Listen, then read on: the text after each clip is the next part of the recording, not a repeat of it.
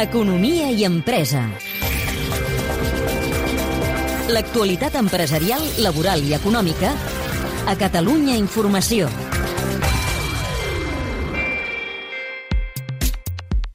La pandèmia ha portat els hospitals al límit i tota ajuda és benvinguda, també la dels robots. Durant un mes, dues unitats de l'empresa PAL Robòtics han treballat a les plantes de Covid dels hospitals municipal de Badalona i Clínic de Barcelona. Amb la informació que han recollit, els seus creadors confien que molt aviat els podran comercialitzar i implantar a qualsevol hospital. El seu cost va dels 25 als 30.000 euros. Abans de saber com són i què fan els nostres protagonistes, quatre dades sobre PAL Robòtics.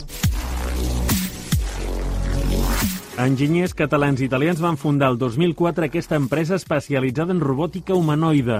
Un xeic dels Emirats Àrabs els va fer el primer encàrrec, un robot per jugar a escacs. Des del 2010 ofereixen solucions robòtiques a Europa, Àsia i als Estats Units. Tenen 50 treballadors i una facturació aproximada de 5 milions d'euros.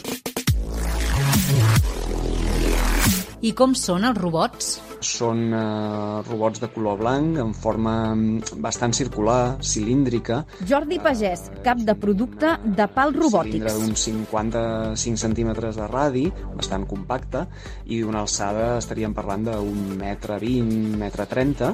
El Tiago Conveyor és un robot que transporta safates amb menjar a l'habitació del pacient que l'indiquen a través d'una app. El robot, doncs, autònomament eh, es va dirigint cap a aquesta habitació, eh, esquivant a la gent que pugui trobar, eh, aturant-se quan hi ha quelcom que no el deixa passar per un corredor, per exemple, perquè ens trobem que en l'entorn hospitalari els espais no són tan amplis com pot ser dins d'una fàbrica, per exemple, i quan arriba a l'habitació en qüestió busca la taula on se li ha ensenyat que ha de deixar la plata i gràcies a aquesta cinta transportadora és capaç de transferir la plata cap a la, la taula en qüestió. L'altre robot és el Tiago Delivery i transporta material més delicat o que suposa un risc a l'hora de manipular-lo. La part superior del robot eh, té una caixa on per accedir a la càrrega doncs, has de saber una, una sèrie de combinacions numèriques o bé disposar d'una tarja eh, que et dona accés.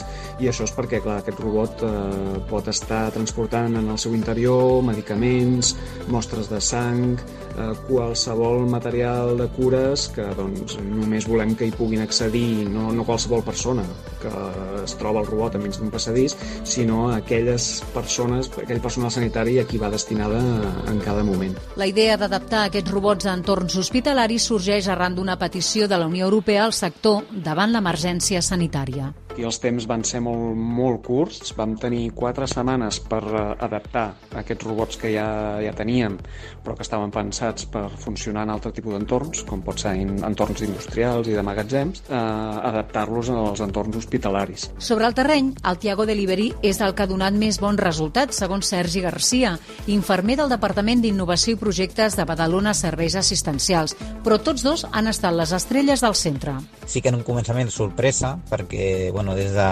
perseguir el robot i gravar-lo amb el telèfon mòbil i després una miqueta ja acostumar-se no? de, de, veure, de veure el passar i la veritat és que les proves van anar bé no, no hi ha una interacció molt directa encara amb, amb el pacient, però de, de passar pels passadissos no he tingut cap problema, ni, ni accident, per sort. Tot i que al principi el personal sanitari es va acollir amb un cert recel.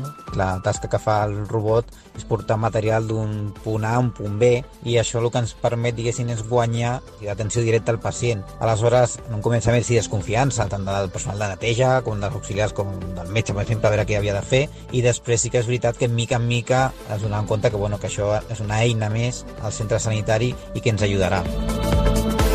És un reportatge de Carme Montero. El teniu ja disponible al podcast de l'Economia i Empresa.